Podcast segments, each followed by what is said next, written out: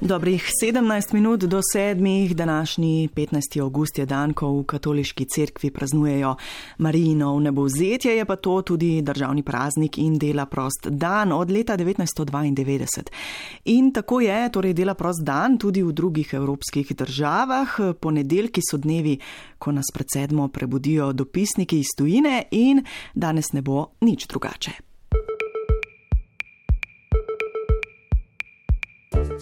Klicna koda. Dobro jutro in pozdrav iz Bruslja. Bonjour de Bruxelles, bienvenue. Klicna koda nič nič 32.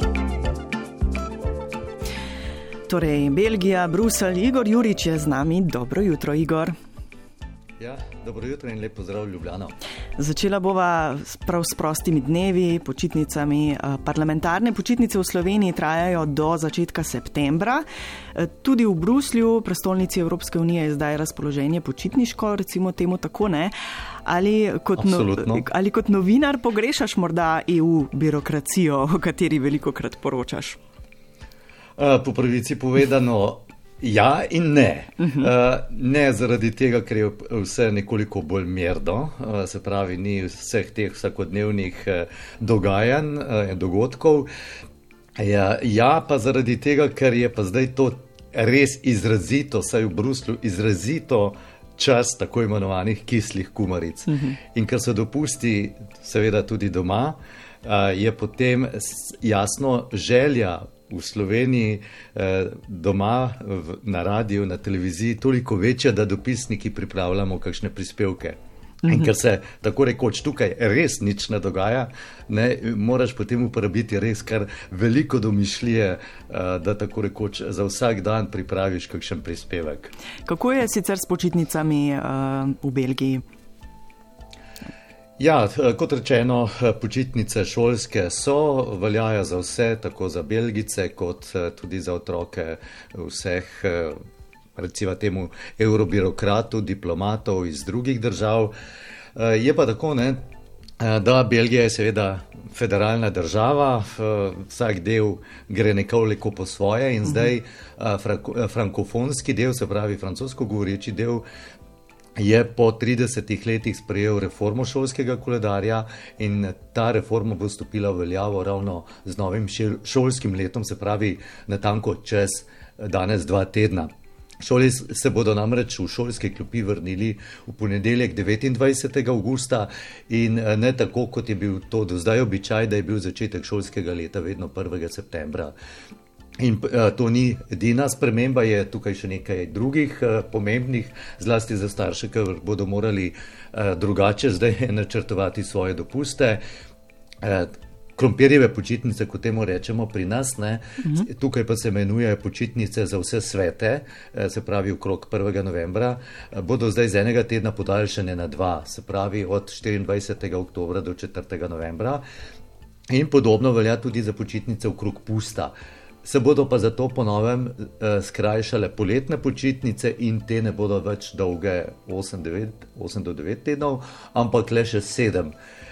Kot rečeno, to je zdaj ta francosko govoreči del, eh, flandrijski eh, del pa ostaja pri starem, tako rekoč, eh, svojem sistemu, eh, se pravi da se šolsko leto začne s 1. septembrom. Mm, dobro, zanimivo. E, ne moreva mimo vročine, ne, suše, e, tudi pri nas si primorski del države še ni opomogel, še vedno velja velika požarna ogroženost, e, tudi preostali deli Evrope, seveda tudi v Franciji, kot Belgiji je nekako z grozo in strahom, ne, so spremljali, ste spremljali vremenske ja. napovedi ja. v preteklih tednih. Ne. Uh, tako je, ne, ta, takih uh, vročinskih valov, kot je bilo letos, ne, marsikaj ne, v teh državah, uh, se pravi Belgiji, Franciji, ne pomnijo že res dolgo, dolgo časa. In ravno tri dni nazaj je bil v Franciji najbolj vroč dan med tokratnim letošnjim, že uradno tretjim vročinskim valom. Ne, in temperature so dosegle vse tja do 40 stopinj, uh, zlasti zahodni del države je bil temu izpostavljen. In uh, jasno, izbruhnilo je zaradi izredno, pravijo, rekordne suše, uh, je izbruhnilo vrsto požarov. V določenem trenutku je bilo osem velikih požarov v državi, uh, zdaj so jih nekoliko omejili. in tudi tistega najbolj, najobsežnejšega, ki je divjal prav v zadnje dni v tem tednu v bližini Bordoja, jim je zdaj uspelo. Omejiti, in ko sem včeraj gledal, v državi imajo še nekje štiri velike požare. Uh, je pa pogorelo v Franciji do zdaj že več kot 60 tisoč hektarjev površin.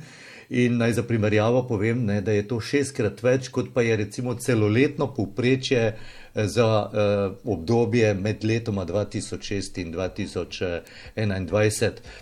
In uh, ti požari siloviti ne vplivajo zgolj na površje, se pravi, da uničujejo gozdove, hiše, ne na zadnje, ampak negativno vplivajo tudi na ozračje. In prav ta veliki požar v departmaju Žirond je samo izbruhnil, je že tudi julija. In eh, med tem požarom ne, je v ozračje ušlo rekordnih, so izmerili rekordnih milijon kubičnih ton ugljika, uh, kar ustreza recimo letni količini emisij CO2 -ja za 780 tisoč uh, avtomobilov. Mm. In če to naj povem, ne, morda letos je tako ali tako, podatki kažejo v Evropi. Zgorelo rekordne, rekordna površina, več kot 660 tisoč eh, hektarjev. In ne boste verjeli, ne, Francija niti ni bila glavna glede tega, čeprav smo jo veliko o tem poročali v medijih, uh, največ površine je zgorelo v, v Španiji po teh podatkih, potem pa sledita Romunija in pa uh, Portugalska. In podobna situacija, sicer ne s tako hudimi gozdnimi požarji, je bila tudi v Belgiji.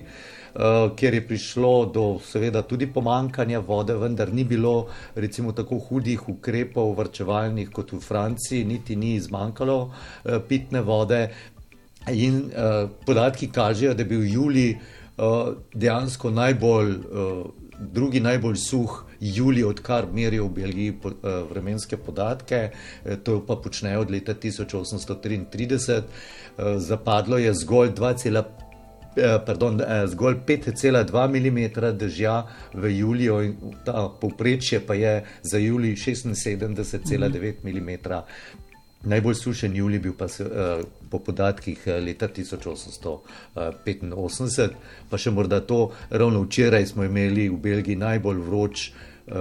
Julis, eh, avgustovski dan, se pravi 14. august, eh, odkar merijo, ne, uh -huh. do mhm. zdaj je bil in sicer 31,1 stopinja, eh, zadnji najbolj vroč pa je bil leta 1911, ko je bil za desetinko stopinje hladnejši. Mm, ampak napoved ne, je spodbudna, ne? Prihajajo držne kaplje. Ne? Ja, v Franciji eh, smo bili že priča eh, nevihtam, predvsem tako, da se je ozračje včeraj eh, že ohladilo. Za Belgijo je bila, bilo najprej napovedano, da bomo to doživeli tudi eh, mi danes, ampak zaenkrat se nič ne kaže, da bi kaj padalo, je pa zelo soparno. Eh, naj pa ne bi bile tako visoke temperature, zdaj je le še okrog tistih 25-27 eh, stopinj, ampak zaradi sopare upam, da bo dejansko tudi prišlo do kaj držja. Mm. Ko smo se pogovarjali včeraj, si rekel, da ne moreva tudi mimo cvetlične preproge, ki so jo postavili sredi glavnega trga v Bruslju. Torej na eni strani uh, huda vročina v preteklih dneh, ne, na drugi pa ogromen cvetlični vrt sredi trga. Uh, kaj je to? Magnet za turiste, predvsem, predvidevam. Ja, da, pa bom dejal ne samo za turiste, tudi -huh. sam sem si z velikim užitkom ogledal to preprogo, ki ni neka mala preprogica, ampak je velika preproga, meri 70 krat 24 metrov, sestavljajo pa jo več kot 400 tisoč cvetov, predvsem iz begoni in dali, pa tudi uh, krizantem. Uh, ta tradicija Eh, v Belgiji jo poznajo tam nekje iz 70-ih let prejšnjega stoletja in sicer je do tega prišlo, ker so flamski gojitelji begoni in uh, Flandrija je eden glavnih izvoznikov svetovnih uh, čebulic begoni. Ko so ti flamski gojitelji prodajali zgolj čebulice, cvetove pa zav, potem morali zavreči, so se spomnili, da morda pa le ne bi povsem brezkoristno uh, odmetavali teh cvetov in so v okolici Genta začeli ustvarjati te tako imenovane cvetlične preproge. In prva je bila potem v, v Bruslju uh, postavljena leta 1971, imenovala se je Arabeska in zdaj uh, ker je lani žal prireditev zaradi COVID-a odpadla, so jo letos to 50-letnico prve postavitve prve preproge praznovali in so postavili popolnoma enako preprogo kot pred recimo 51 leti, vendar so dejali, da to ni kopija tiste preproge, temveč pre, postavljena, reinterpretirana na novo, kajti zdaj so tehnike postavljanja seveda nekoliko uh, drugačne kot pred 50 leti.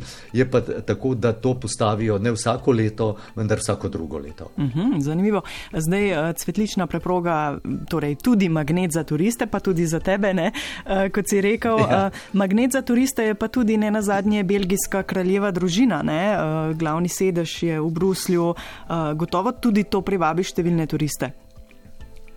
Ja, tudi to, čeprav uh, belgijska kraljevska družina je sicer zelo popularna v državi, uh, tako širše pa ni razupita kot morda britanska. Mm -hmm. Uh, verjetno pa bo, uh, ko si že omenila turiste, uh, pritegnila pozornost širše javnosti, kaj ti 10. septembra uh, se nam obeta tako rekoč kraljevska poroka, uh, no, ne čisto prava, ker se bo poročila, uh, če lahko rečem, samo princesa in sicer je to princesa Marija Laura, uh, ki pa je v bistvu nečakinja kralja Filipa. In 33-letnica je ena od petih otrok, ki jih ima kraljeva sestra, eh, princesa Astrid. In eh, zanimivo, ne, bodoča nevesta je študirala sinologijo in je tudi nekaj časa živela na Kitajskem, eh, zdaj pa živi in dela v Londonu kot podnebni analitik pri eni od nevladnih organizacij, kjer je tudi spoznala svojega bodočega moža, ki je francosko-britanskega porekla ker pa ni modre krvi, uh eh, -huh. kot se temu reče, je seveda morala za dovoljenje za poroko najprej prositi uh, kralja in ta ji je to dovoljenje dal. To pa je pomembno zato, da potem lahko princesa Marija Laura ostane morebitna pretendentka na prestol. Res pa je, da ima precej slabe možnosti, saj je šele deveta v vrsti. Prva je namreč kraljeva hči, princesa Elizabeta, ki bo oktober stara 21 let in trenutno prav tako živi v Združenem kraljestvu, kjer študira na univerzi v, Oxford, v Oxfordu. In če bo nasledila svojega očeta, bo postala prva kraljica v zgodovini Belgije od nastanka neodvisne Belgije in eh, monarhije leta 1830. In eh, morda za konec samo še ena zanimivost uh mhm. -huh. za vse ljubitelje monarhij. V Evropi imamo trenutno 12 kraljevih družin, sedem držav, Norveška, Švedska, Danska, Združeno kraljestvo, Španija, Nizozemska in Belgija so prave kraljevine, potem imamo Andoro, Liechtenstein in Monako, ki so principali, in pa eh, Luksemburg, eh, ki je veliko vojvodstvo. Dobro, zanimivo eh, še ta dodatek kraljevi Igor Jurič. Ja. Hvala lepa za tole javljanje in seveda lep pozdrav v Bruselj.